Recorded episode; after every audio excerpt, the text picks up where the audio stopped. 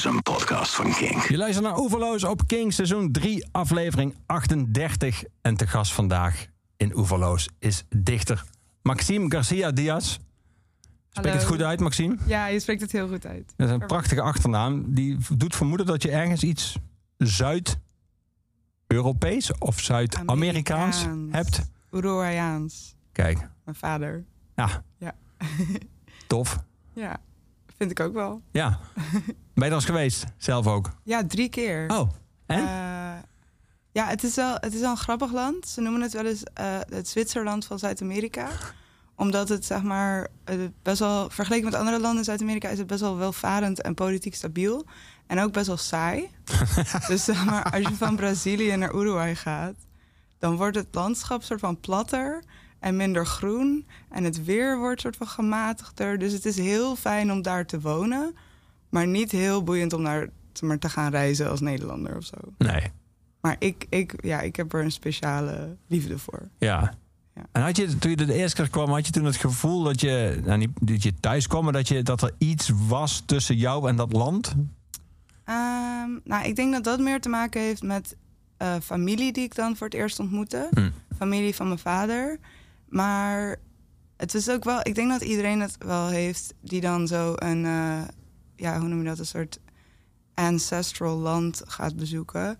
Dat het ook vervreemdend kan zijn. Dat je zo het gevoel hebt dat je daar thuis hoort te zijn.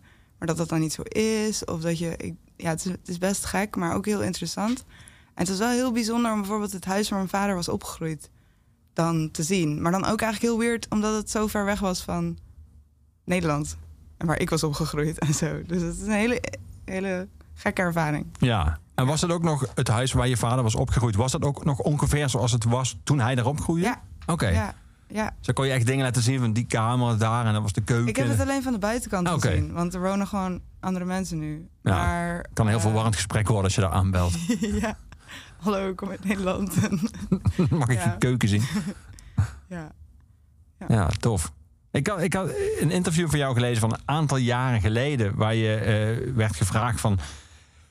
De, de vraag, wat zijn je ambities eh, op schrijf- en optredengebied? Ehm en toen antwoordde je... eh, ik wil ook meer experimenteren met optreden... andere media en optredens betrekken, nagaan... denken over hoe je de tijden op het podium er kan invullen... als een hele performance... en meer zijn bezig zijn met fysiek objecten maken van teksten.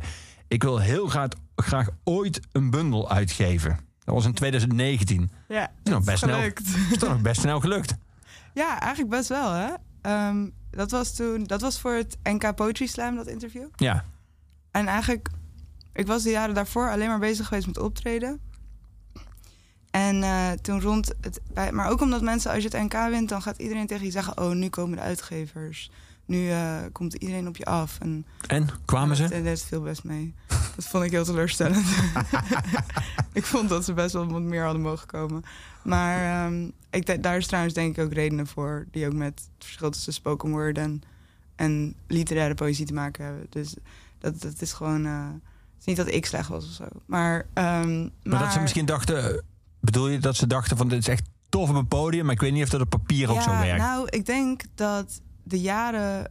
eh, de jaren voordat bijvoorbeeld ik won, of de, ja, ja, zeg maar de rec- recente jaren. ehm, dat er eigenlijk meer spoken word is gekomen op het NK Poetry Slam. Wat heel goed is. En ook gewoon ja, heel logisch. Maar dat heel lang de Nederlandse slam poëzietraditie er een is geweest die echt best wel overeenkwam met een soort literaire Mhm. poëzietraditie. Dus dat eigenlijk elke wi- willekeurige NK-winnaar... die kon je gewoon zo uitplukken en in een boek zetten. En veel bijvoorbeeld, veel lazen ook gewoon voor van papier. Terwijl spoken word artiesten dat eigenlijk bijna nooit doen. Ehm, maar dus, eh, dus, snap, dus soort van, dat pas de jaren, in de jaren dat, dat, dat ik won bijvoorbeeld, dat het aan het veranderen was. Dus dat ook niet meer zo super logisch was voor uitgevers om op die NK-winnaar af te stormen.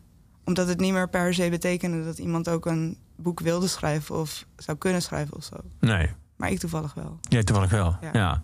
Maar in dit interview was je nog van, nou, dat wil ik ook ooit wel. Je, leek niet of, je, of was dat een soort van zelfbescherming of, of, of bescheidenheid? Of, Nee, ik denk, dat, was, dat ging haar best snel. Om, ik denk ook omdat dus eh, toen ik eenmaal aan het NK mee ging doen, was ik ook al een beetje klaar met optreden. Ik was al best lang aan het optreden. En al best wel heel vaak had ik dat gedaan. En ik wilde gewoon heel graag het NK winnen. En dan, dan wilde ik me ook meer gaan richten op het papier. En Ja. op, op gedichten die niet per se voor publiek hoefden. Ehm, dus toen, eh, toen heb ik wel met één uitgever gepraat na het NK. En toen had ik nog eigenlijk niks van een manuscript of zo. En begon ik daarover na te denken. En toen heb ik eigenlijk heel snel een manuscript soort van in elkaar getimmerd. Eh, en het- ik denk dat ik dat wel vaker heb, dat ik zo bedenk van, oh, ik wil dat. En dan ga ik heel snel me daar soort van op richten. En, het, en heel snel een soort van heel veel stappen. En dan voordat ik het weet, dan heb ik het al gedaan of zo. Ik weet niet, dat is een soort ADHD-ding, denk ik. Maar, ehm, dus toen, en toen dacht, dat was eigenlijk best gek, want toen dacht ik, oké, maar waar blijven de uitgevers nou? Terwijl echt vlak voor het NK had ik nog zoiets van, nou, misschien wel een bundel ooit. Hè? Ik ga eens even kijken. Dus ik was heel snel best entitled, soort van. Ja. Ja. En had je... eh, je, je, je trad al veel op, je trad ook vaak op. Ja. Eh, dat idee van dat wil ik ook op papier vastleggen. Dat wil ik ook dat dat een deel hiervan in een bundel terechtkomt. Groeide dat zo gaandeweg? Of was dat eigenlijk waar je ooit mee begonnen bent, ook met dat idee? Nou, ik denk wel dat. Ik, wel, ik ben wel al. eh, ik ben wel zo'n schrijver die zeg maar al. Ik ben al vanaf kind af aan aan het schrijven. En ik schreef ook niet altijd gedichten, maar ook heel veel verhaaltjes. En weet je, zo'n kind dat gewoon heel veel van lezen houdt. Mhm. En heel veel aan het schrijven is altijd. En eh, ik denk dat dat optreden eigenlijk een beetje per ongeluk is begonnen. Op, tijdens mijn studie dat ik gewoon met vrienden en andere eh, en een soort van klasgenoten een soort van een groepje begon. En dan gingen we zo aan elkaar voorlezen en dan ook aan het publiek. Omdat het gewoon de makkelijkste manier was om mijn werk te delen. Ik wist eigenlijk helemaal niet hoe je, wat een literair tijdschrift was of zo. Of nauwelijks hoe je aan een. Zeg maar, dat wist ik allemaal niet. Dus maar gewoon iets voorlezen voor andere mensen was heel laagdrempelig en simpel. En toen vond ik het heel leuk. Ik ben nou vergeten, ben ik jij vraag aan het beantwoorden? Zeker. Vraag, oké. Ehm, dus, eh, maar dus er was altijd wel ook dat ik nog steeds wel voor het papier schreef. En ook bij dat, dat vele optreden. Zeg maar, optreden is echt heel leuk. En je krijgt heel veel soort van feedback en meteen een reactie. Maar je krijgt ook meteen een reactie. En soms wil je dat niet. En soms wil je dingen doen. En daar heb ik nu nog steeds soms best wel last van. Dat ik dingen wil doen die niet zo crowd-pleasing zijn. Of die mensen gewoon niet echt snappen of boeiend vinden. En dat je dan telkens daar moet staan en naar hen moet kijken... terwijl ze het soort van niet snappen en niet boeiend vinden. Terwijl als je het gewoon in een boek zet, dan, dan merk je dat niet zo. Nee, dat is waar. Ja. Want wat jij net vertelde tijdens je studie, dat je met, de, met die groep vrienden eh, voor elkaar eh voordroeg. Eh, zagen jullie elkaar dan als publiek? Of was je meer bezig met elkaar beter maken? Ging het dan juist om de feedback? Ja, we hadden, we hadden wel. dat was een beetje. We hadden aan de ene kant samen bij, bijeenkomsten waarbij we echt elkaar van feedback voor zagen. En aan de andere kant gingen, gingen ik en andere mensen van die groep, of één ander meisje eigenlijk, gingen we gewoon avonden organiseren.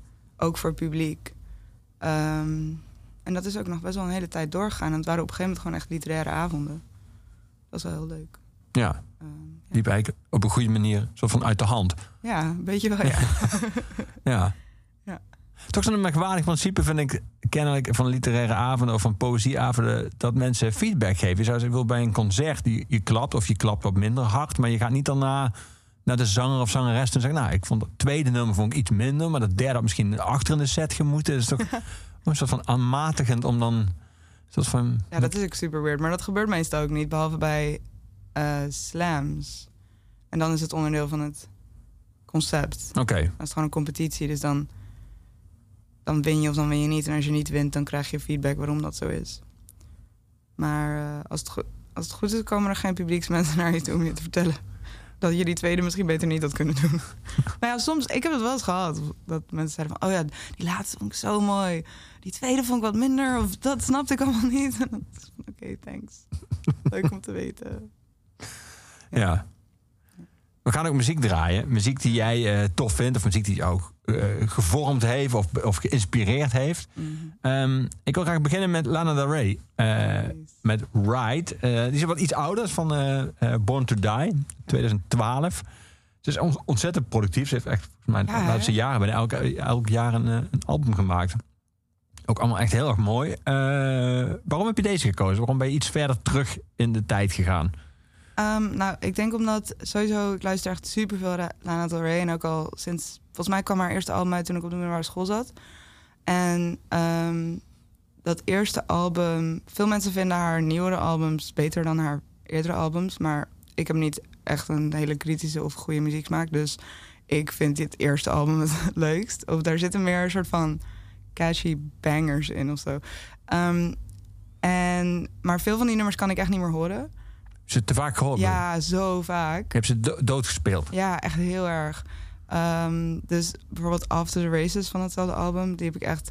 Die, die kan ik niet meer echt horen als een leuk nummer of zo. Maar Ride... Het tweede nummer van de plaat. Misschien heb je die ook, als je dat play doet, komt die ook ja, dat was snel. ook een van mijn favorieten. Hmm. Die gaat ook over Lolita en zo. Dat boek van Vladimir Nabokov. Ja. Um, maar Ride vind ik gewoon mooi blijven. En die heeft ook echt zo'n soort mega... Dan kan je echt luisteren terwijl je in de trein zit... en uit het raam kijkt en je leven romantiseert of zo. En dat blijft het ook gewoon dus. Ik zie nu dat die 188 miljoen 318.000 209 keer gedraaid is. Maar oh. daarvan is een substantieel deel dus van jou. Ja. ja, ik denk wel misschien 1 miljoen. Ja. Van die 118. Maar hoe, toch is dat fascinerend dat werkt met nummers. Dat je, ze, je kan ze dus dooddraaien, maar zijn ze dan, kun je ze ook denk je nog ooit reanimeren? Of zijn ze dan voor goed kapot? Ik, sommige zijn echt gewoon voor goed kapot. En dat vind ik dan wel jammer, omdat ik dan nooit meer dat... Dan, dan hou je wel een soort, een beetje een soort uh, fantoom van dat oorspronkelijke gevoel dat je kreeg. Ja. Dan weet je wel, maar dan wordt het nou. Maar misschien is dat ook wel oké, omdat het dan gewoon blijft het bij die periode. Ehm, en kan je dat gewoon, ja, is, het gewoon, is, dat, is dat gewoon vergankelijk. Dat is ook wel mooi. Ja. Maar als je nu, uh, ja, er zijn natuurlijk nu geen grote concerten, maar haar tour is ook een paar keer uh, uh, verplaatst. Dat concert in de Ziggo Maar stel je zou nu live, je zou naar een live show gaan. zou je dan wel hopen dat ze bijvoorbeeld Off the Races wel nog zingt? Of zou je dan ook zelfs live Oh my god, dat zou zo cool zijn. Ja, wel dus. heel oud, maar ik zou dat echt zo heel graag wel. ja. ja. ja. We gaan Ride draaien. Dat is het. Als je, je hebt waarschijnlijk heel veel gestreamd. Als je hem als CD had gekocht, was dit het eerste nummer van de tweede disc geweest. Ja, ja, van de, ja. Of de derde kant van de plaat. Ja, volgens mij wel. Ik, ik kan me dat niet zo goed voorstellen. Dat is, ik ben een soort streamgeneratie. Ride zie je van Lana Del Rey.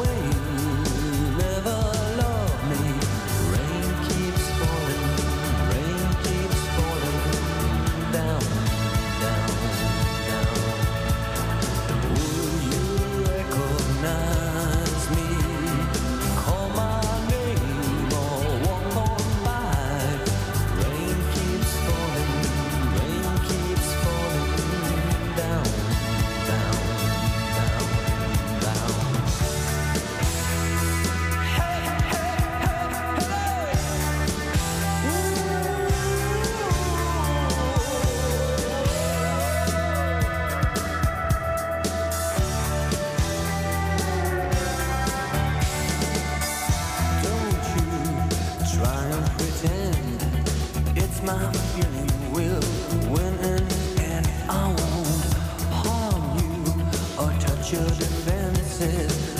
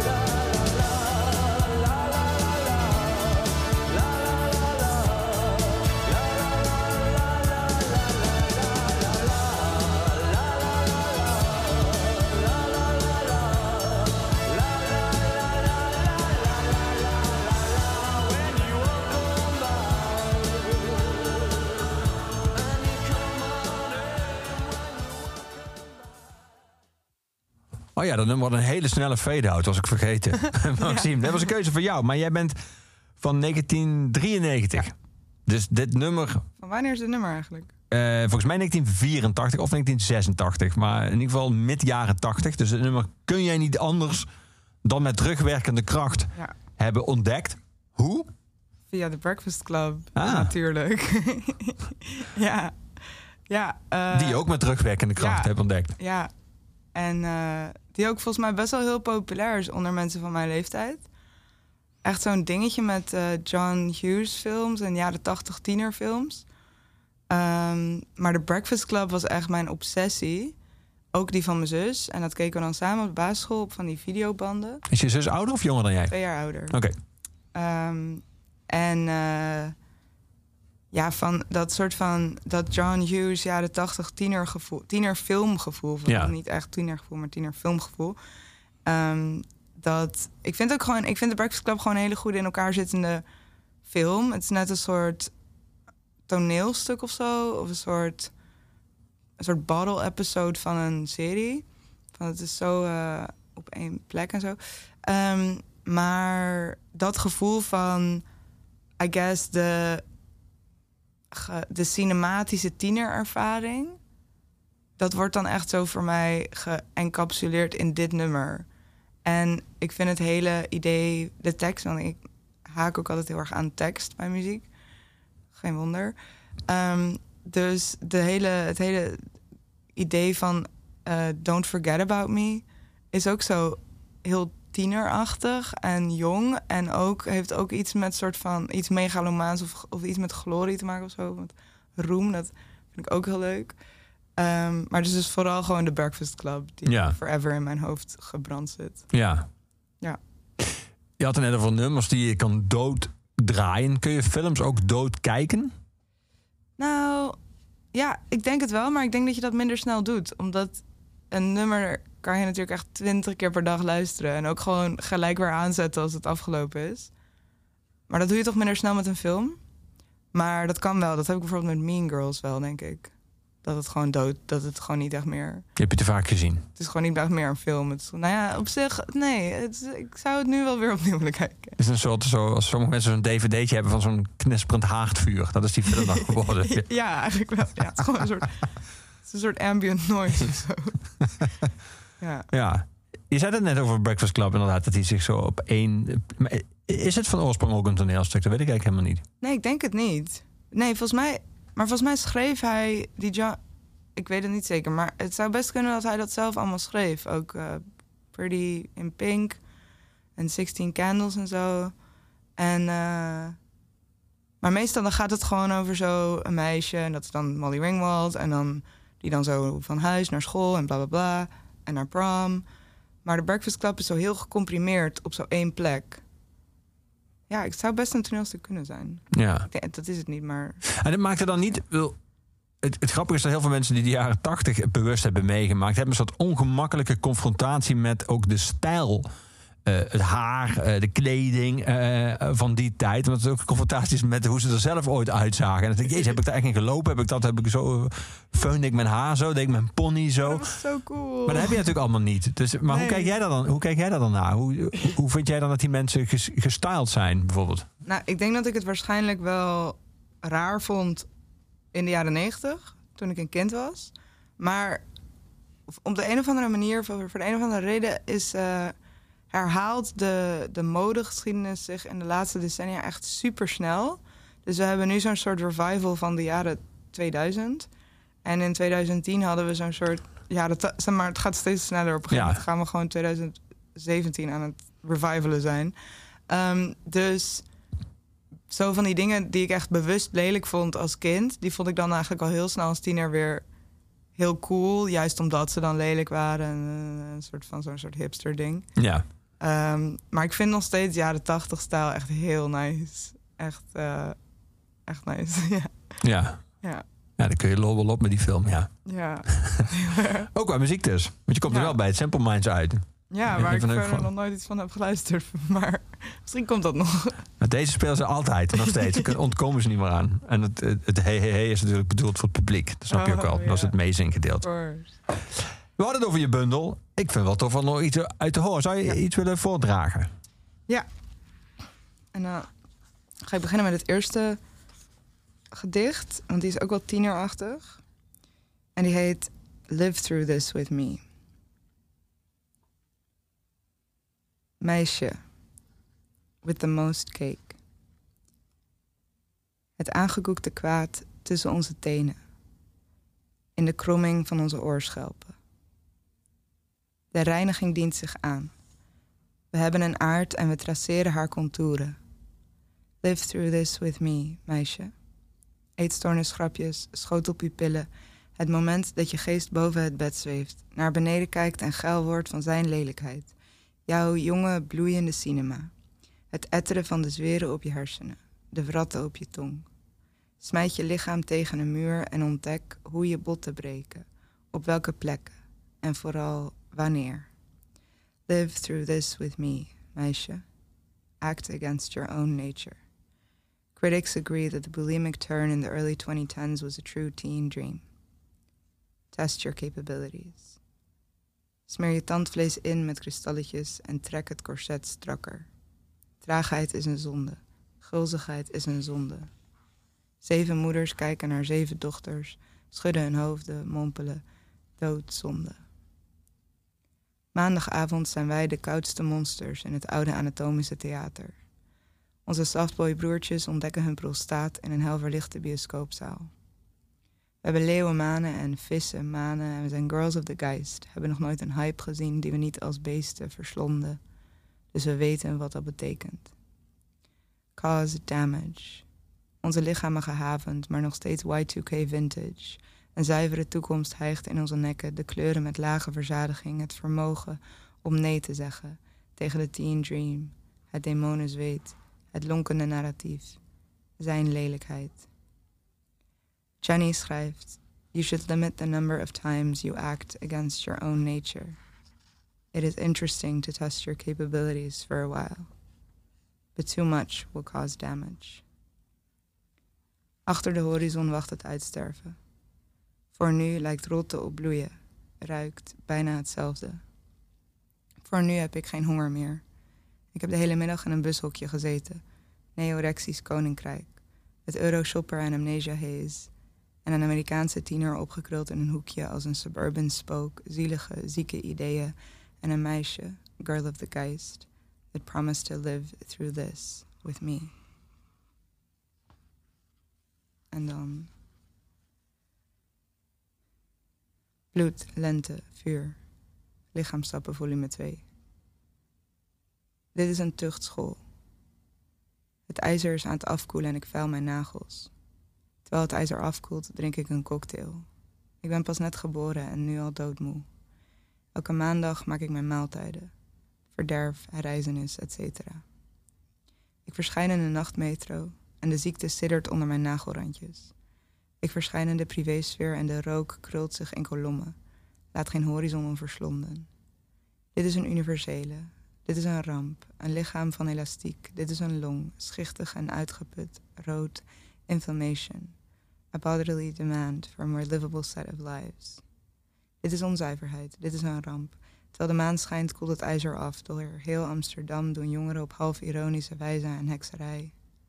Deze configuratie van elementen bestaat niet. De eerstvolgende drie seizoenen zullen dood ter wereld komen. Ik heb het niet over tv. Een tint ergens op het spectrum, in de buurt van roze, oranje, iets met perzik of een kleur die doet denken aan het woord zalm, maar niet aan de kleur zalm. Pray, stay alert. Cleanse your pineal gland. Go vegan. Listen to soothing, healing, awakening frequencies. Ik heb het niet over tv. De privésfeer steekt haar tong in mijn keel. A bodily demand. Dit is een tuchtschool. Toen alle horizons verslonden waren en de straten bezaaid met lichamen, gevleugelde sandalen, toen hebben we de boodschap door verscheidene vertaalmachines gehaald en ze begon demonisch te klinken. Een onderwereld. Dit is een long. Dat is een stad en dat zijn de ingewanden van de stad die niet langer ingewanden heten kunnen. Dat is een zieke stad, haar binnenste eruit gebraakt. Het verslinden, het braken, het afkoelen. Dit is het afkoelen van een metaal dat niet op deze planeet te vinden is. This is a bodily demand.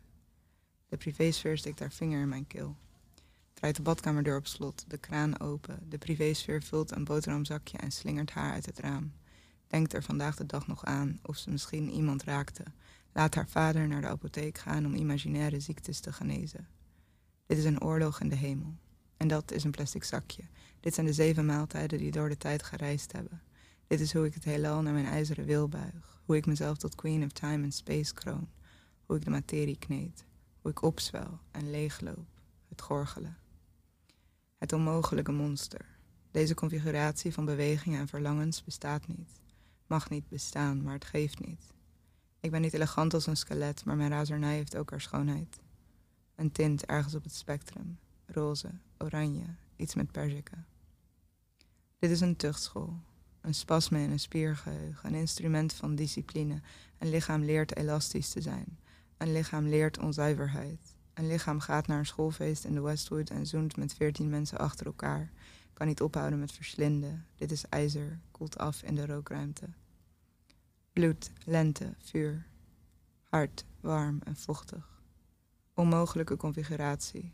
Ik verschijn in de privésfeer. Samen met het ijzer koel ik af. Dit is een tuchtschool. Dat is een lijk. Dit is een ramp. I wanna be a bottle blonde. I don't know why, but I feel calm. I want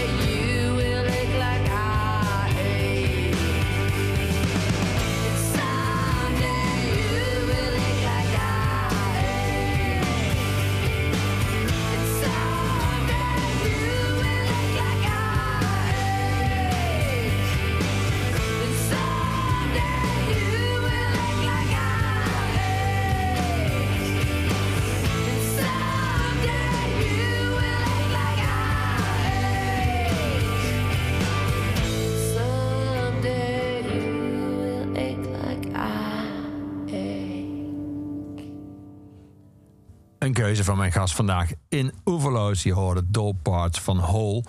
Maxime, en het eerste gedicht van jouw bundel, het eerste gedicht, waar je ook het voordroeg, daar zitten verwijzingen naar Hole. Ja. Komt En, zelfs eh, de, plaat, de, de titel van het album komt zelfs terug in de titel van het gedicht. Ja, en ik weet nooit ehm, of nou... Want er zit zo in het eerste gedicht van de bundel en het laatste... zit een quote van een van de liedjes van die plaat. Maar volgens mij is het Dolpars. Maar ik heb dat, dat nummer heb ik dus zo vaak gehoord... dat ik het niet meer hoor. dus dat ik nooit weet of het nou dat nummer is. Maar Ja, het is precies. stukje van... eh, eh, if you live through... If you live through this with me, I swear that I will die for you. Dat is in het laatste eh, gedicht. En ja, en dan gewoon ja, een verwijzing naar Live Through This. Ja. En ook The Girl with the Most Cake. Most, ja, Ja, dat zit in meerdere gedichten ook. er zit zelfs Ja. cake in. er zit zelfs een afbeelding van cake in, Ja, in de bundel. ja. en eh Courtney Love, er zit dus een heel gedicht in die bundel over Marie-Antoinette. Ja, En Courtney Love had ook wel volgens mij een fascinatie met Marie-Antoinette. Want ze heeft ook zo'n portret gebruikt voor een van haar albumcovers. Maar te- ik vind haar teksten, ja, die zijn gewoon helemaal doorgecijpeld. In mijn hoofd en in, in de bundel ook. ja. Eh, ja. Het grappige is dat als het over haar gaat, over Courtney Love, even los van dat het dan heel vaak gaat over, haar, over van wie ze de weduwe is, maar als het gaat over haar kunst, ehm, gaat het heel vaak over haar stem. Dat is natuurlijk die fantastische rasp in haar stem heeft. Terwijl haar teksten, vind ik, worden best wel, zijn va- vaak best wel onderbelicht. Maar jij bent juist aangeslagen, vooral op Ja. dus het feit dat ze gewoon zo'n goede tekstschrijver is ook. Ik denk dat ik gewoon boven gemiddeld veel op tekst let. En dat ik soms ook naar liedjes luister. Ik heb me echt super amuzikaal. Als, nou ja, ik heb gewoon nooit een muzikaal instrument bespe- eh, bespeeld. Of ik snap ook niet, ik snap muziek ook vaak niet zo goed of zo, hoe het werkt. Maar dus soms luister ik ook naar liedjes die dan mensen, vrienden die meer met muziek hebben, of een soort van hoog ontwikkeldere muzieksmaak hebben, dan heel verschrikkelijk vinden. Maar dat ik gewoon de tekst heel, heel goed vind. Dus ik denk dat, eh, dat ik dus veel minder let op allerlei andere elementen. Of dat niet eens door heb. Want ik heb eigenlijk nooit echt stilgestaan bij Courtney Love's der stem. Maar nu je het zegt, let ik er wel op. En denk ik, oh, dat is eigenlijk best wel heel een interessante stem. En, ehm, en dat je er niet bij stilstaat, betekent niet dat het niet te maken heeft met je ervaring en zo. Maar bij de tekst sta ik heel erg stil. Ja. En is heel belangrijk voor of ik iets leuk vind of niet. Ja, dat wou ik net vragen, maar dat, dat is dus zo. Ook dat of niet, dat geldt ook. Je Ja. kan, het kan ook dat je een nummer misschien wel mooi vindt, maar dat je afknapt op de tekst. Ja, ik, heb dat, ik kan niet specifieke nummers bedenken nu, maar ik heb dat wel soms met eh soort van mainstream hip-hop. Ik vind hip-hop heel leuk. Maar ik vind het dan vaak leuker om van vrouwelijke hip-hop artiesten te luisteren. Ehm, of om. Het is niet erg als het soort van eh, vrouwenvriendelijk is of zo. Als het in een taal is die ik niet goed spreek, zoals Frans. Dat vind ik dan heel leuk. En dan merk ik het toch niet. Dus dan maakt het niet uit. Maar Nick daarmee en denk ja, ik weet niet wat het. Nou, boeien. Betekent. boeien. het is een goede beat. Dus maakt niet uit. Ja. Ja. Maar goed, ja, bij Amerikaanse hip-hop is het natuurlijk vrij eh, onomkoombaar. Dat er nogal wat vrouwenvriendelijke teksten zijn, die kun je ook gewoon goed verstaan. Ja, ja precies. Dus dan, dan eh, dat, heeft, dat, dat heeft dan super veel effect op mijn ervaring ervan of zo. Meer misschien dan mensen die minder met tekst bezig zijn. Ja.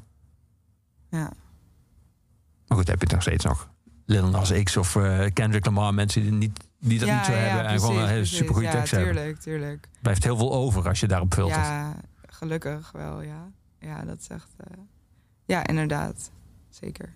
Hoe is het bij jouw poëzie gegaan, bij jouw gedichten? Want jij hebt, eh, je hebt, je hebt ja, ik kan op twee manieren formuleren. Ik zou kunnen zeggen, je hebt niet de keuze gemaakt tussen Nederlands en Engels. Je kan ook zeggen, je hebt de keuze gemaakt eh, om Nederlands en Engels gewoon door elkaar te laten vloeien. Wat een mooie verwoording. Dat is echt, dat is echt mooi. Eh, die twee verwoordingen, ja. Ehm, ja, dat heb ik inderdaad gedaan. En ehm, ja, dat is eigenlijk... Ik denk dat dat voor mij een manier is eigenlijk om recht te doen aan mijn leven en mijn soort van dagelijkse werkelijkheid of zo. Ik dacht, vroeger schreef ik alleen maar in het Engels als tiener. En eh, ik ken best veel jonge Nederlandse schrijvers of meer soort van hobby-schrijvers die dat ook deden. Ehm, ook omdat Nederland gewoon echt super verengelst is en we heel veel Engelstalige media consumeren en popcultuur en zo.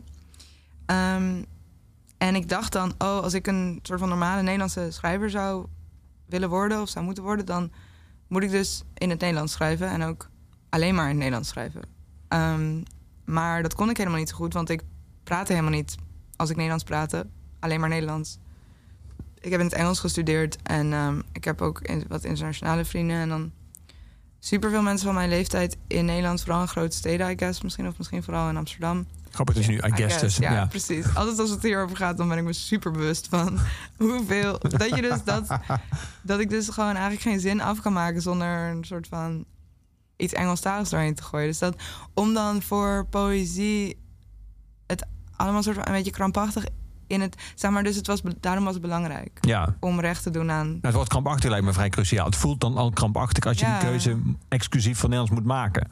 Ja, precies. En als je een soort van dingen gaat vertalen die je normaal nooit zou vertalen als je aan het praten bent. En ook, ah, ja, ik bedoel, het is, het is ook een keuze om, om dingen expliciet wel in het Nederlands te zetten. Allemaal bijvoorbeeld omdat je, vindt, omdat je het niet oké vindt dat, eh, dat we zoveel Nederlands vervangen met Engels. Ehm, maar ik vind het, eh, zeg maar, ik vind het on, ergens eh, inauthentiek of zo om te doen alsof Engels nog steeds een vreemde taal is in Nederland. Want dat, dat is het gewoon niet. En, en dat is ook eh, ja, bijvoorbeeld van de universiteiten een keuze om allemaal opleidingen in het Engels. Ja. Dus, ja. Daar kan ik nog heel over doorgaan. Maar Maar ben je gevoelig voor het argument van mensen dat de Nederlandse taal eh, verschraalt of uitgehold wordt als, we, als er steeds meer Engels in doorcijpelt? ja, ik ben daar echt heel gevoelig voor. En ik ben het daar ook eigenlijk mee eens. Maar ik denk dat eigenlijk daarom voor mij was het juist belangrijk om. Omdat eigenlijk toen ik eenmaal Engels mezelf toestond om Nederlandstalige gedichten te schrijven met Engels erin, toen ging ik veel meer in het Nederlands schrijven. Ehm, dus ik denk ook dat eh, als je eigenlijk toestaat of erkent dat het zo'n soort hele onzuivere taal is geworden, dan kan je ook zeg maar, bewust de keuze maken om soort van bijvoorbeeld, eh, nou ja, ik, zeg maar, om een, een, een tweetalig gedicht te, te, te schrijven met ook Nederlands erin. Of om soort van te kijken wat er gebeurt als je iets uit het Engels naar het Nederlands vertaalt. Ja.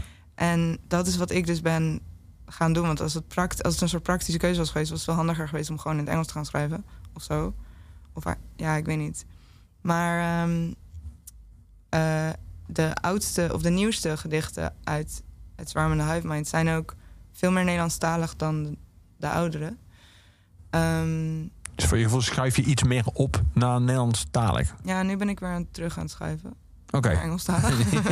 oké. Je schrijft... Als, als een soort reactie. Je beweegt, dat zou ik zeggen. uit is hier. Maar eh, eh, ik denk dat er meer ruimte voor mij ontstaat als je erkent dat.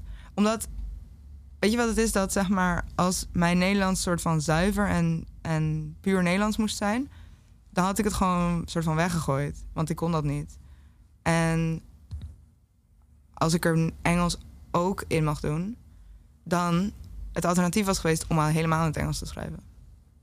Maar ik ben wel, ik denk wel dat, zeg maar, kijk, het is een soort van, het is net alsof we moeten nu een soort keuze maken om Nederlands te behouden en te cultiveren en te voeden, Mhm. want dat gaat niet vanzelf meer. Want vanzelf praten we allemaal een soort Denglish. Dus ehm, het is nu een keuze en dat, dat, maar dat is wel gewoon een keuze die je kan maken. Ja. En Ehm, bijvoorbeeld de gedichten die je zo- zojuist voordroeg, die twee gedichten. eh, daar wissel je Nederlands en Engels af, dat loopt door elkaar.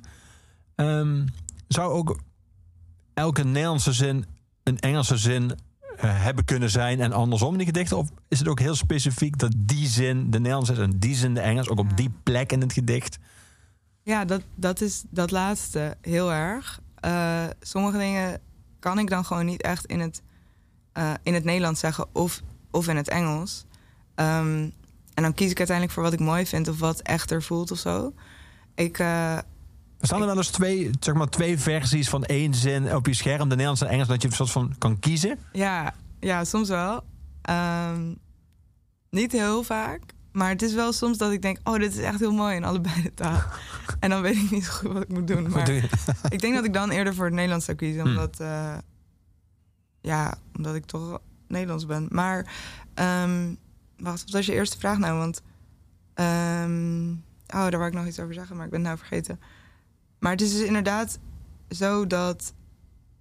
Oh ja, dat wilde ik zeggen. Dat ik weet ook niet hoe ik dit boek zou moeten vertalen naar het Engels. Want dan worden al die zinnen die ik juist, zeg maar, expres niet in het Engels heb gezegd, maar dat het wel had kunnen. Zeg maar je kan het niet echt vertalen of zo. Ehm, dat is niet hetzelfde als het Engels dat er nu al Nee. in zit. Snap je wat ik bedoel? Ja, ik snap wat je bedoelt. Ja. Maar ehm, ik, eh, ik denk bijvoorbeeld vaak aan. Toen ik, eh, toen ik jong was, vond ik de frase ik geef om je echt raar. En een soort van ouderwets klinken of archaïs of weird of zo. En eh, toen ik, zeg maar, dan zou ik eerder zeggen ik care om je. I guess omdat je dan een soort van helemaal doodgegooid bent met Engelstalige films. Dus dan is je hele gevoelswereld een beetje zo verstrengeld geraakt met zo die popcultuur. Dat ik geef om je soort van. ah, Ja, ik weet niet. Dat dat heel raar klinkt. Ja. Dus dat het dan authentieker voelt om iets te zeggen wat helemaal niet in een taal is dat jou, die jouw moedertaal is. Ja. Maar, maar dat het inauthentiek is om te doen alsof dat niet zo is.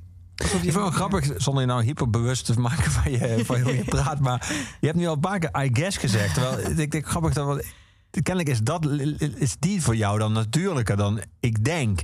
Ja, for sure. ik zeg ook veel eerder for sure dan zeker weten. ik het zeker weten best raar of zo. We gaan muziek draaien. We gaan naar een nieuw dorp, New York. Ja, dat is nice.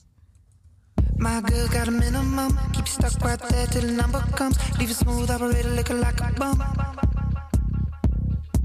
My girl's got a city to run. Got the key to the kingdom where the money's from. Never seen the color yellow, never seen the sun. And he thinks I'm the negative one. Flags flapping in Manhattan. New dope, New York. Gargoyles gargling oil. Peak of the empire, top of the rock. Flags flapping in Manhattan. New dope, New York. Gargoyles gargling oil. Of the empire, top of the rock. My girl's got a little stick. Keep you cool up in the kitchen while you feed the cake. Keep you waiting in the window while the tank just ticks. My girl got a limousine, got a full-time job just to keep it clean. Got a speaker in the truck, you know where it's done. You think I'm the negative one? Flags flapping in Manhattan. New dope, New York. Gargoyles gargling on. Peak of the empire, top of the rock. Flags flapping in Manhattan. New dope, New York.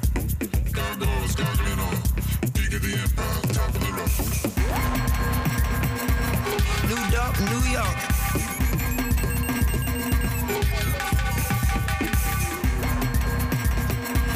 New York, New York.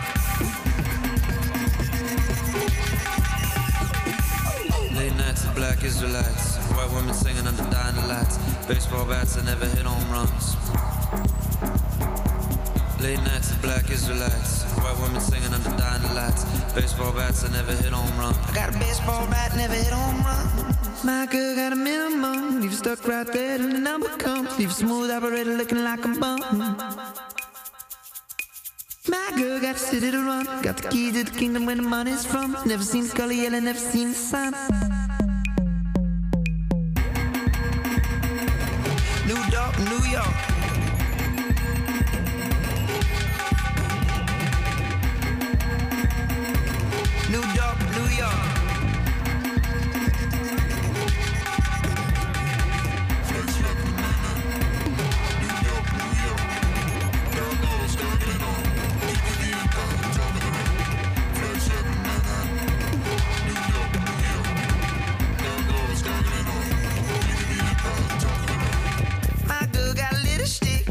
in the kitchen while you feed the kid. You're waiting in the winter while it tanks ticks. My girl got a limousine. I got a full time job just to keep it clean. Got a speaker in the truck, you know where's it done. My girl got a city to run. My girl's got a city to run. My girl's got a city to run. My girl got a city to run. My girl got a city to run.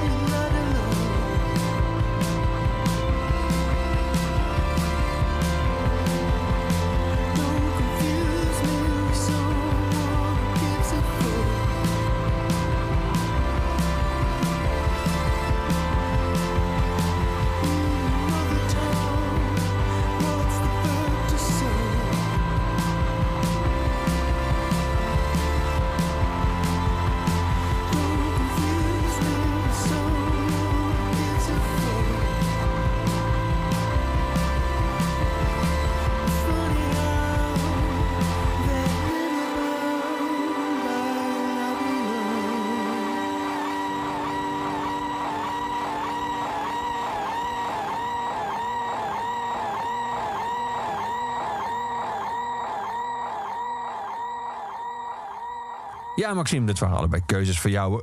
Dit was eerst I'll Take Care of You. Eh, wie waren dit? Want het was een samenwerking. Oh, huh, Dat is geen quiz, hè? Het was een andere.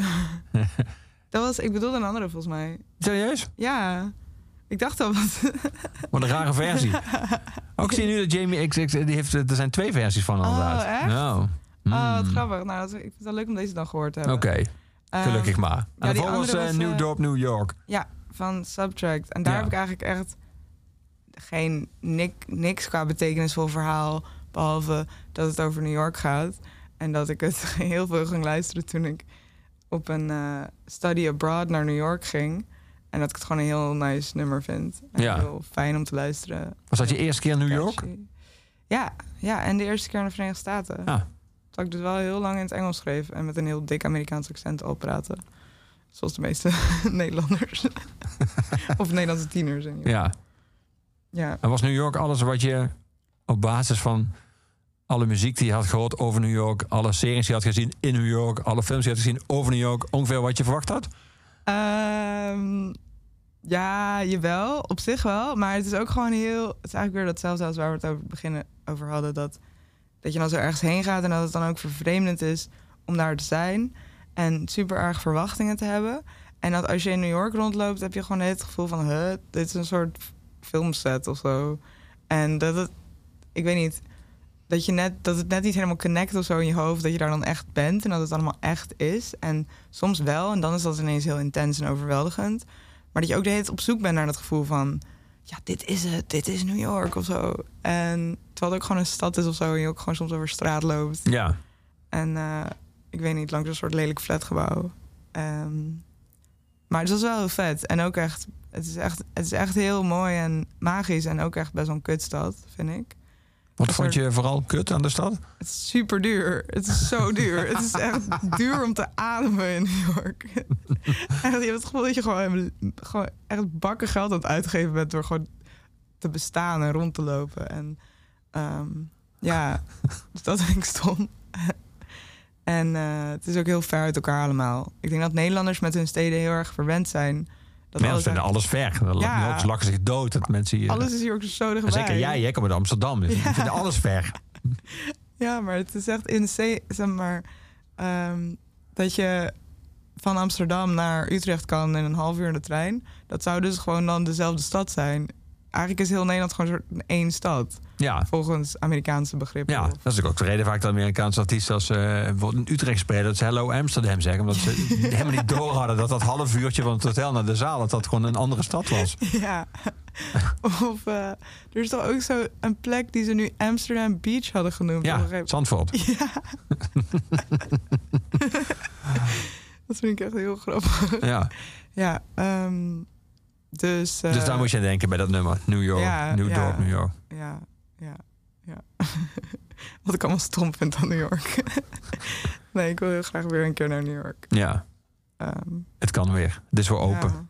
Ja, ja. Ja, Ook voor arme dichters. ja. het is ook best goedkoop nu vliegen naar New York. een soort stuntprijzen. Het is warm in de Hive Mind, ligt nog voor me. En ook voor jou. Zou je er nog eens even willen voordragen? Ja. Tof. Even kijken. Oké.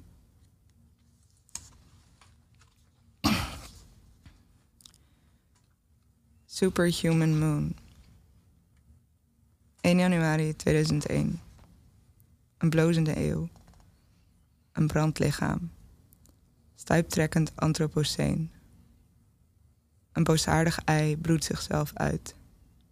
Onkruid groeit, wit heet en woekerend.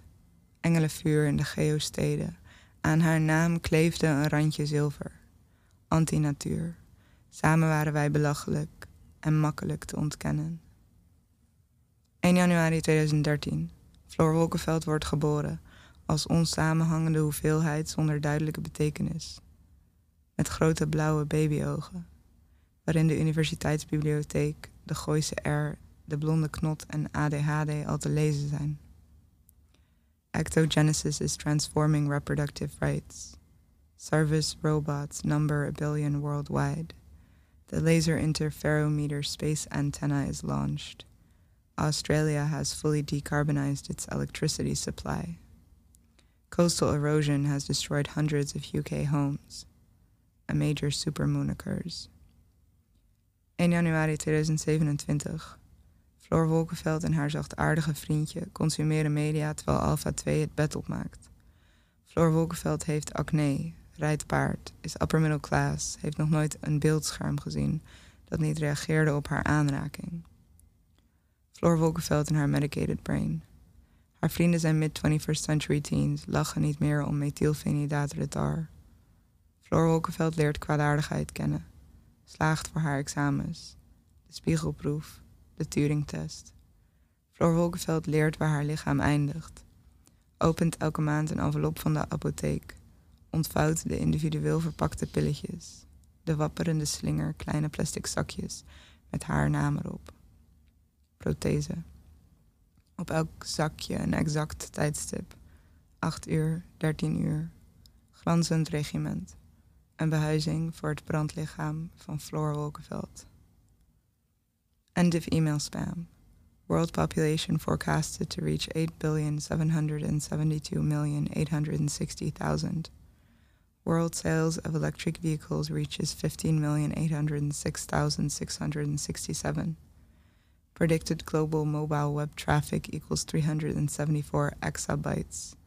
Global internet traffic grows to 1,028 exabytes. List of sci fi crimes that will become possible by 2040.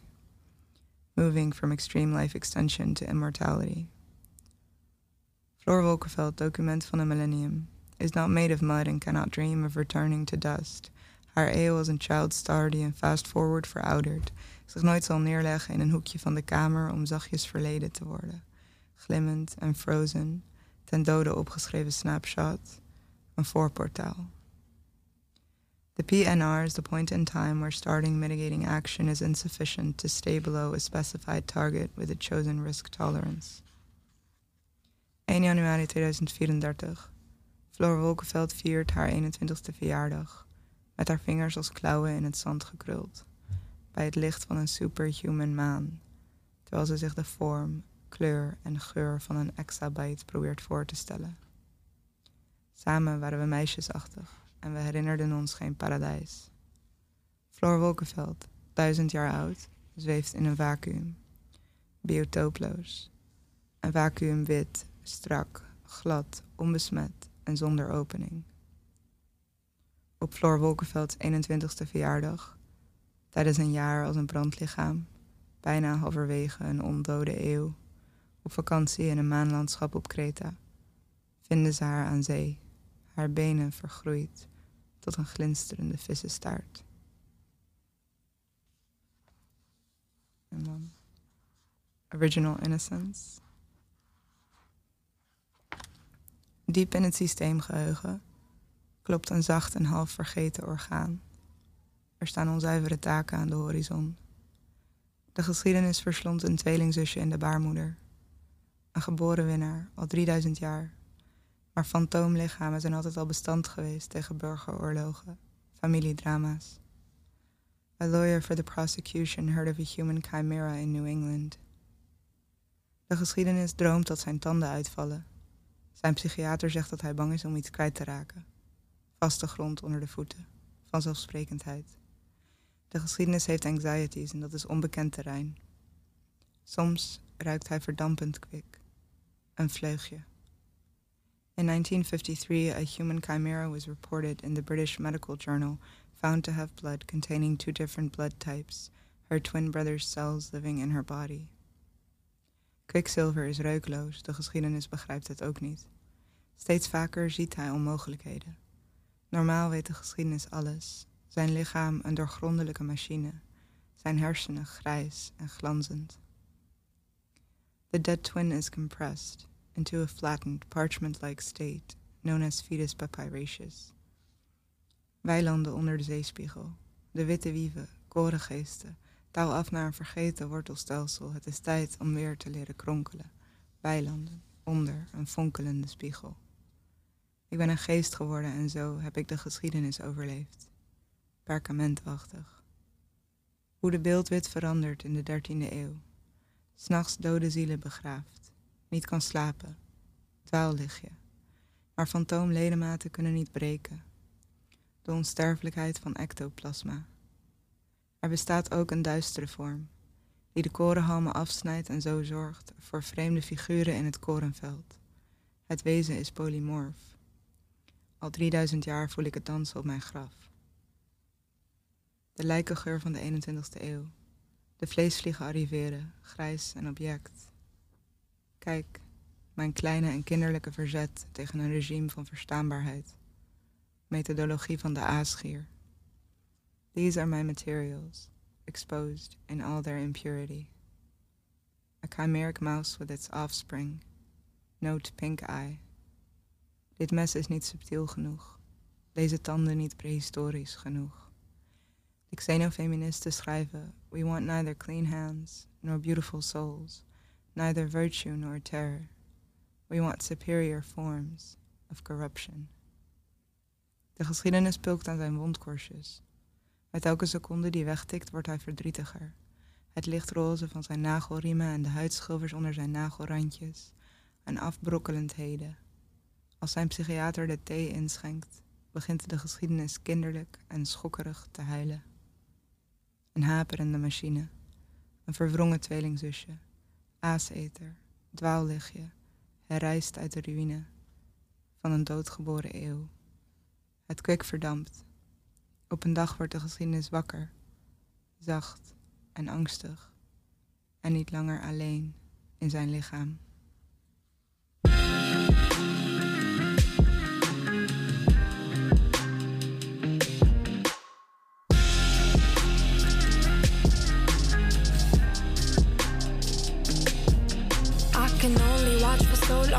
Before I get uncomfortable. The centerfold, I gotta be. Pay attention, see, I'm terribly offended. They commended mediocrity. Are we honestly praising this commodity? You call yourself an artist. Stop, don't get me started. Stop, don't get me started. Not much of a drinker, cause shit keeps spilling out. And Can hold my liquor, but I can't hold my mouth. I can't hold my tongue. It lashes when it wants. I'll blame it on the I, I, I, I, the. Blame it on the excess, clouding up my lenses, finishing my sentence. My favorite kind of vengeance is getting paid. Look back at rejection and what it made. I'ma shine on the mama, I'ma shine on the mama. Sneak up from behind, skip the whole line on them. I'ma shine on the mama, I'ma shine on the mama. Do it like I'm trying, flex and do time on them.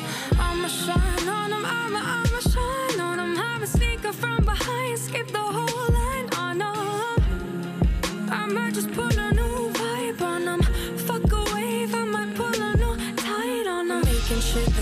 honest ain't a product for a profit. Yeah, my mind and on my wallet.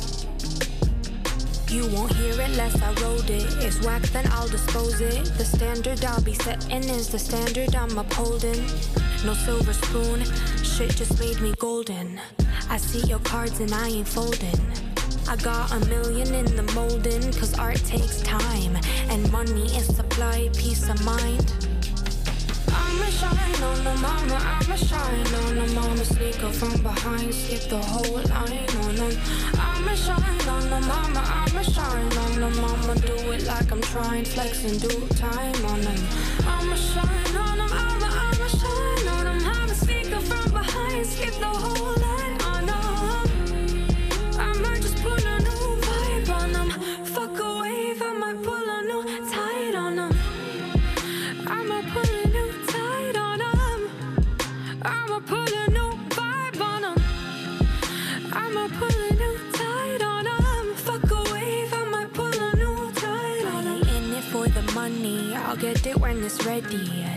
back to my place for conversation, Henny. For now, I'm shooting campaigns in LA with some baddies. Yeah, with some baddies. Win the lotto, be a model. Both funny concepts. Made my way in for some bread, yeah, a finesse. Now I'm taking photos for some studio time. Couldn't make it by when I worked the nine to five in Soho with my eyes low. Closing shifts got me looking local. The glass broke, and my money barely seemed to get me back home. Yeah, we gonna move to Jersey for your senior year. Quick turn off the TV cause the landlord here. You still got to take the train though. Go to school in Queens and get an education so you could live in Queens. Cause I ain't got the means. Your mama getting tired. And when they ask what I do, I honestly wanna lie. Rent getting too high. Don't end up where I am. Promise me that you'll try. I know you wanna sing. You can do that on the side. It ain't about the money, it's more about the pride. But I hope I make you proud still, mama. Hope I hold a Grammy up like a diploma. And when I do go to school, have my bread up. We've been in debt enough. We've been stressed enough. Been in debt enough. Fuck. I'ma shine on the mama, I'ma shine on the mama. Sneak up from behind, skip the whole line on them.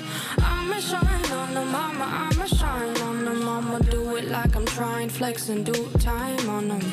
I'ma shine on them, I'ma, I'ma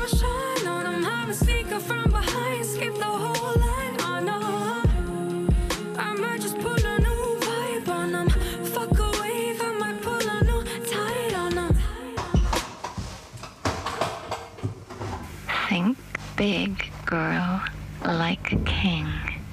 Think king size. Did you learn nothing in America? I've placed four big bananas in my lap. In New York, I don't dream. I always wanted to be less subculturally lonely. But here, I see no subculture, no, no future, no big science, no big bananas. But I found no, no future. I rock the bananas gently, move back and forth. Don't wake them. What is soft, thick rock? Using the elements of thick to create softer, toned down sound. I sing to the bananas. The skin is getting thin and brown. Norway. The girls are pretty. I am one fourth Danish. If you have a child, you better learn how to bake. I beckon the cupcake, the huge capitalist clit. I search the oven, scrub the racks, put my whole head inside, but I just can't find it. It's like looking out the window in there. The bananas rot slowly in my lap, silently, wildly, girly. The rash is an opportunity, a common disease, something in common, a community. The definition must be something attacking itself. Four flaking, flaccid fingers. No future. Oh, the fruit flies. Waar luisteren we naar, Maxime? Nou, net luisterden we naar King Size van Jenny Val. En daarvoor volgens mij van Sh- naar Shine van Dunja. Ja, ik ben een beetje gaar. Maar, ehm, en eh, ik zat net te denken, en dat zei ik net tegen je, dat eh, ik een aantal nummers van Jenny Val in mijn hoofd had. En dat zij, net als Courtney Love, zij zo mij heel erg aanspreekt met haar teksten. En dat die teksten ook heel belangrijk zijn geweest en zo. Ehm, maar dat ik die nummers niet, dus niet zo echt zo had geluisterd en even allemaal had beoordeeld. Maar dat ik gewoon dacht, oh ja, dat King Size vind ik wel leuk. Dat heeft die zin over die soft dick rock. Ja. Maar toen eh, was ik eigenlijk vergeten dat King Size helemaal niet echt een soort nummer is, maar een soort heel Meer weird... performance. Ja, spoken word performance. Ja, nou, ook Maar, goed toch? eh, ja, nee, Het is wel van invloed geweest op je dus. Ja, zeker. Qua taal. Ja, daar heeft, daar heeft het ook over dat ze naar Amerika gaat en dat ze dan daar een soort van helemaal alienated is of zo. Dus dat eh, past ook wel. Ja. Over aliens gesproken, je haalt in, in je bundel haal je uit de, de film, eh, of over de film moet ik zeggen, Avatar, haal je de regisseur aan James Cameron. eh, die dan schrijft right from the beginning, says she's gotta have tits, even though that makes no sense because her race. ja, die, die Navi, zeg maar, dat, zijn, dat is helemaal geen ras. Het is helemaal geen geslacht. Het een soort. Dus, ja, ze hebben geen... ja, ze, wat betekent dat eigenlijk? Placental mammals heb ik er wel in gezet, maar ik weet eigenlijk niet wat dat betekent. Nou, maar dat, die hebben, ze, hebben geen, ze hebben geen borsten nodig, Nee, nee, precies. maar die hebben ze wel. Ja, Voor de, voor de kijker. Voor de kijker, ja, precies. maar hoe komt? Daar was ik al benieuwd naar. Zo'n voorbeeld van James Cameron. Die heeft dat ooit dan gezegd, denk ik, in een interview of zo. Of in een toelichting eh, over de film. Of, een making-of of zo.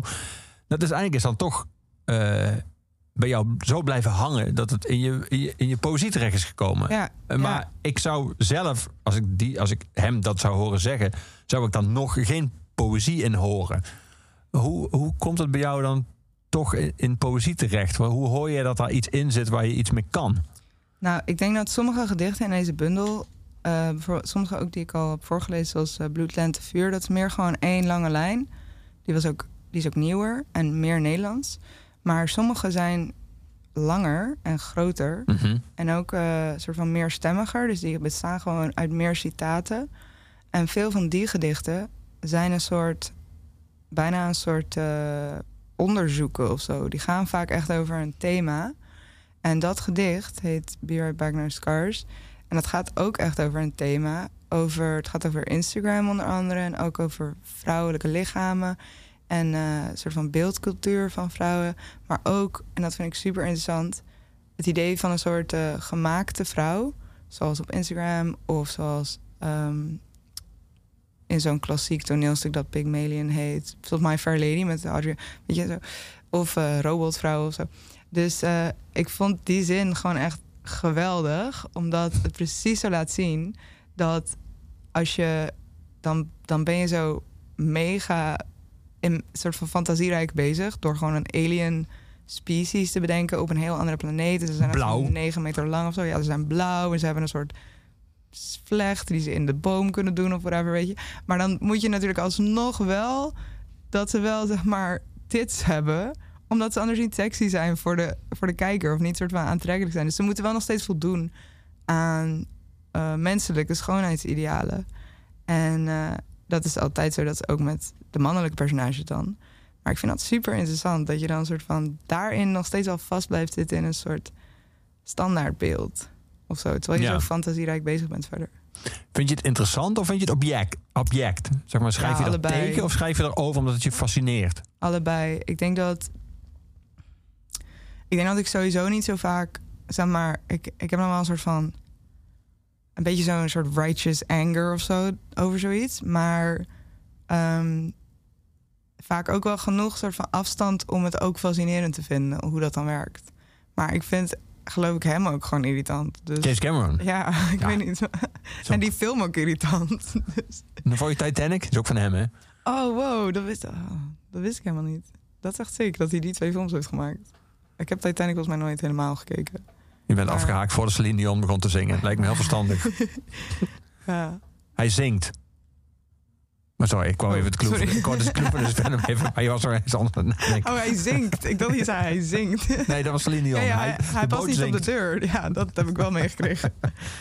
Ja. Ja. Het gedicht wat je zojuist voordat het eerste gedicht daarvan heb je, daar voel je iemand op. Floor, Floor Wolkenveld. Ja. Die wordt geboren op 2000, eh, 1 januari 2013. Dan vervolg je eigenlijk haar eh, tijdspad, zeg maar. Je gaat uiteindelijk ook de toekomst in. Je gaat voorbij een tijd voorbij waar we nu zijn. Uiteindelijk kom je bij een wereldbevolking ook terecht van 8,7 miljard afgerond. eh en bij ontzettend veel elektrische voertuigen.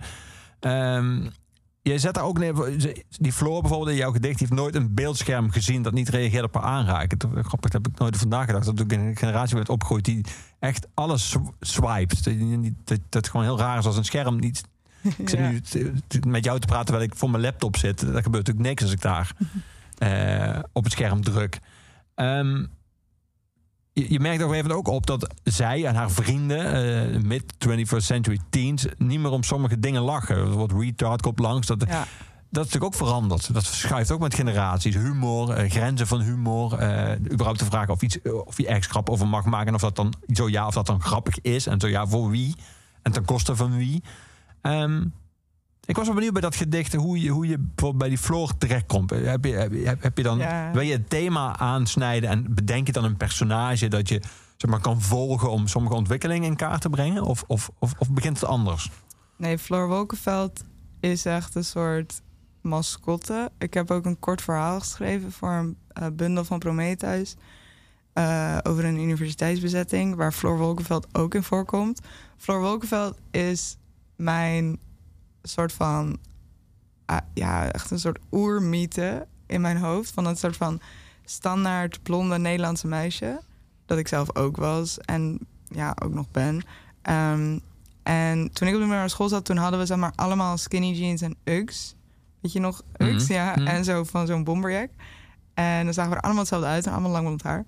En ehm daar heten al die meisjes ook Lotte of Sarah of Floor. Of, en ehm, ik denk dat dat is een beetje zo de basic bitch die Starbucks drinkt, waar mensen een beetje zo om neerkijken soms. Een beetje van, oh, dat zijn een soort eh, basic meisjes. Maar ik vind dat gewoon echt iets heel erg iets hebben of zo. Dus Floor Wolkenveld is dat Ja. voor mij. Waarom, En, waarom heb je haar acne gegeven? ehm, ja, omdat ze gewoon ook een meisje is. Dat op, dat, oh, I guess omdat, misschien ook om een soort jeugdigheid aan te... Ja. Maar gewoon een soort van banale details van haar leven te, te schetsen. En ik vond dan bij dit gedicht het... ehm, ja, het, het leuk om haar in een soort futuristisch landschap te plaatsen. Ehm, en al die teksten tussendoor, dat zijn... eh, dit gedicht is namelijk in opdracht geschreven. En toen moest ik iets schrijven over het jaar 2034. En toen ging ik het jaar 2034 googelen. Toen kreeg ik allemaal van die predictions Oh, oké. van wat er daadwerkelijk gaat gebeuren. Dus dat gaat helemaal echt uitkomen. Ook die wereldbevolking van 8,7 miljard. Ja, I guess. Dat, dat vond de vage website die ik toen heb gevonden. Dat vond Google. Ja, dat is natuurlijk heel wetenschappelijk goed onderbouwd. Ehm, maar ik vond dat heel poëtisch. Dus dat is net als met die James Cameron, dat ik soort van... Nou, met James Cameron is minder... Maar hierbij is het echt dat ik de taal gewoon heel mooi vind. Ja. Zo... Ja, die zinnen en zo van... eh, ehm, de, de homes in de UK die allemaal eroded zijn en zo. Dat is gewoon... Ja. Maar die Floor die kan dus nog mee met jou. Die gaan we nog vaker, die gaat nog opduiken. Ja, ja, ja, zeker. Of heb je er al om zeep geholpen? Nee, nee, nee. Floor blijft altijd bestaan. Ehm, ja, ze is een soort onsterfelijk wezen dat allerlei, allerlei gedaantes aan kan nemen. Ja, I love Floor. Je hebt er zelf, eh, zij is jou.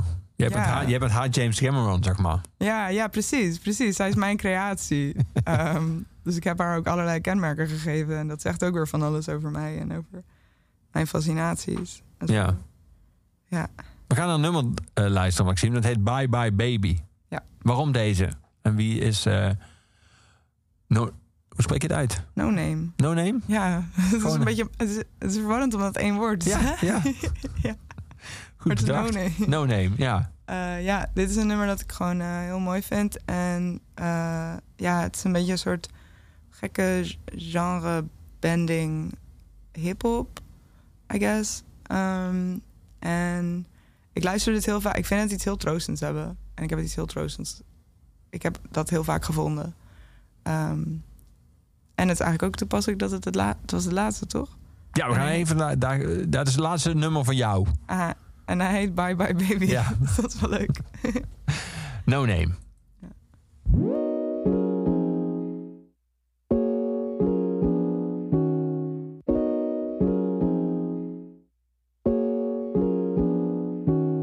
Interview, interlude in that nude with my boo thing. Got the flu with the T remedy for my boo thing. My baby needs some milk honey. My baby needs some milk honey. I he love me. My tummy almost got ready for bitty baby spaghetti and teddy bear in my window now. Golden child, always smile before you leave. Don't look down. God will help you spread your wings. Baby needs some milk and honey. My baby needs some milk and honey. Never ask me why why she said goodbye. Why baby darn it, white walls, cigarettes over skyfall. Riding this like this my song. Don't ask me why she hesitated. Almost waited, waiting room. Played it up in heaven soon. Soon I will see the king, and he reminds me. Some get presents before they even ready. I can see that she loves me. I know her heart is heavy. Telephonication nation, baby, help me testify. Well, you know I hate goodbye, bye bye blue. Somebody let the yellow in, bye bye blue. I'm gonna fall in love again on a lonely road where happiness needs us. You my baby, you my baby. I'm your baby, I'm your baby.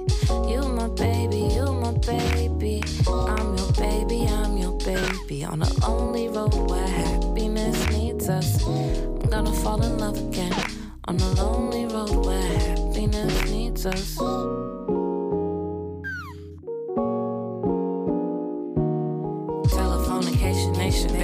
Testify. Ooh, you know I hate goodbyes, bye bye blue. Somebody let the yellow in, bye bye blue. I'm gonna fall in love again on a lonely road where happiness needs us. You my baby, you my baby. I'm your baby, I'm your baby. You my baby, you my baby. I'm your baby, I'm your baby. On a lonely road where happiness needs us.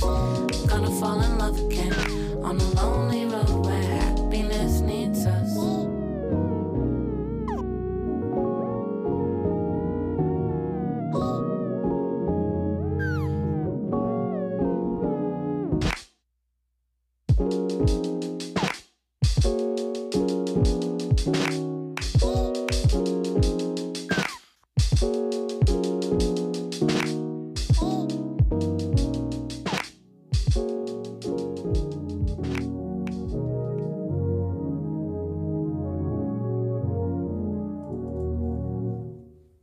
No Name, Bye Bye Baby. Ik ken het niet. Tof zeg. Ja, leuk hè? Heel mooi. Ja. Ja, vind ik ook. We naderen het einde eh, van deze Oeverloos. Maxime, hartstikke bedankt voor je komst naar Kink. Je bundel eh, eh, in drie kleuren. Ik, ik heb hier de groene voor me liggen, maar dat is ook een blauwe en een roze. Roze, ja. Ja. Ligt nu in de boekhandel. Het is warm in de Hive Mind. uitgegeven door de Bezig Bij. Ehm, we naderen het einde. Ik zei al, dat betekent ook dat het laatste nummer eh, naderend is. Het laatste nummer is altijd van onze postuum huisdichter Luc de Vos. Dus het laatste nummer is van Gorky. Daar gaan we dadelijk naar luisteren. Voordat ik eh, nog vergeet te vermelden dat Oeverloos je wordt aangeboden door de muziekgieterij, wil ik jou vragen of je nog één keer zou willen voordragen uit eh, Het is warm in de Hive Mind. Ter afsluiting. Ja, is goed. Oké. Slijm, winter, water. Lichaamsappen, volume 1. Dit is grenspolitiek. Ik verschijn in de openbare ruimte en het woord verlaat mijn mond als een rookwolkje. Ik hul mezelf in nevelgewaden, ziekte, dood, etc. Biopower is available in cream, pill en vaporizer vorm. Het tehuis voor orphaned references. Ooit hadden we moeders en source texts, nu zijn we wildgroeiend wintervlees. Onze vacht verfijnd, licht, licht en etherisch. Easy to ignore. De openbare ruimte krast haar nagels in mijn vel. Spider corpses in de vensterbank, wit gebleekt door maandenzon en anti-bestaan. In de bergen neukte ik alleen met mollige meisjes die krijsten als apen bij het klaarkomen. De openbare ruimte krast haar nagels in mijn vel, snijdt het vet van mijn lijf. Het vet van mijn bovenbenen, het vet van mijn bovenarmen, het vet van mijn buik, het vet van mijn billen, het vet van mijn wangen. Ik wil de neutrale tussenruimte. Dit is een krampachtig vergeten. Dit is een wang. Dit is een vlezig lichaamsdeel dat uitdijt, uitpuilt en opbolt. Het uitdijen, uitpuilen en opbollen in de verte zie ik het shimmeren. De witte tempels op de bergtoppen. Softer, softer flesh and envelope. Cloak. Mythe van baarmoeder slijmvlies. Het weefsel van een gehemelte aan de dark, red-pink meat of the inside of a cheek. Grenspolitiek. Krampachtig vergeten. Een lichaam leert uit te stoten. Een lichaam leert grenspolitiek. Een lichaam gaat op examenreis naar Albufeira met zeven vriendinnetjes en kotst haar ingewanden eruit op het strand. Haar blauwe glitternagels in het zand gekruld als klauwen. Met een binnenste glad en wit en leeg en blauwogig als een iPhone. Zaadcore transformatie. Ik ritste het mollige open, zodat mijn ingewanden eindelijk konden ademen of zodat iedereen kon zien hoe een wild dier me had aangevallen. Easy to grow crooked and confess to crookedness. Slijm, winter, water. Hersenen, koud en vochtig. Een heterogeen ziektebeeld. Ik verschijn in de openbare ruimte. Dit is grenspolitiek. Dat is een wang. Dit is een kramp.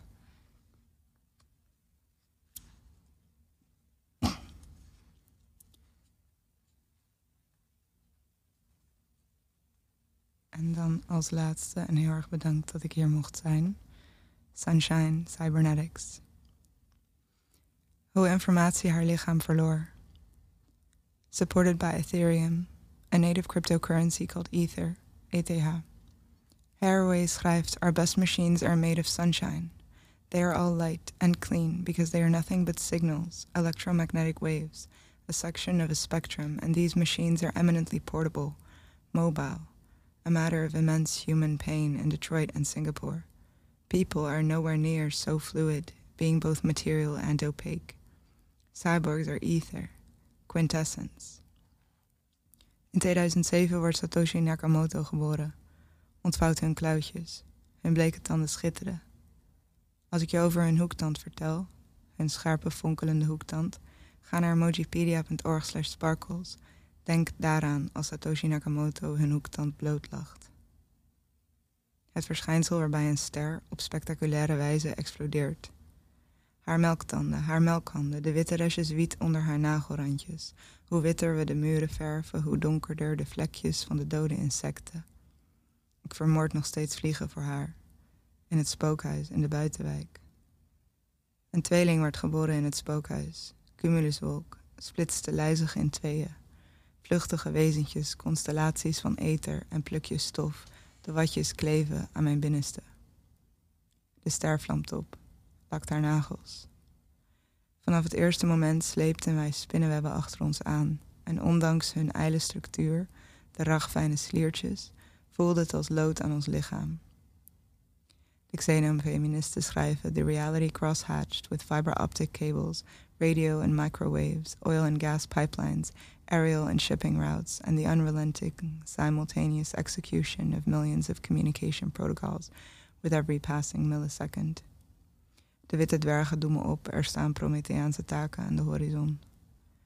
Vertel me het verhaal van de twee-eiige wolk en het hemelvuur, de commutatie en de zeepbel. Onze mooiste machines zijn van zonlicht, maar mensen zijn materieel en opaak en vatbaar voor infectie. Hun lichaam onze mooiste machines. Worden nooit ziek. Onze mooiste machines zijn kunstmatig intelligent genoeg om de list door te hebben. Pakken elkaars handen vast en lopen de zee in. Het kleverige goud van de zonsondergang en dan de vonken van een elektrische dood. Hales schrijft: The body is the original prosthesis we all learn to manipulate. Hales schrijft: What had to be forgotten to make information lose its body.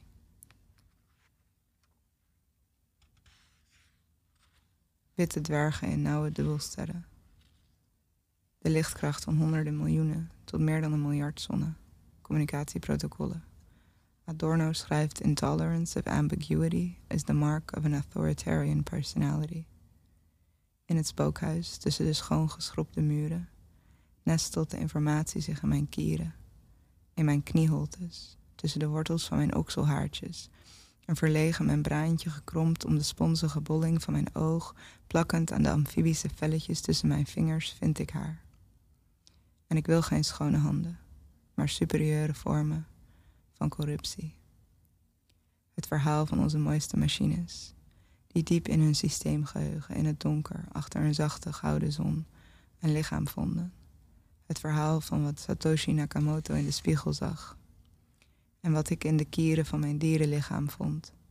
Flickering signifiers, ongewervelde mythes, de stoffelijke restjes van een vermoorde vlieg en communicatieprotocollen, kwikzilverig in het zonlicht.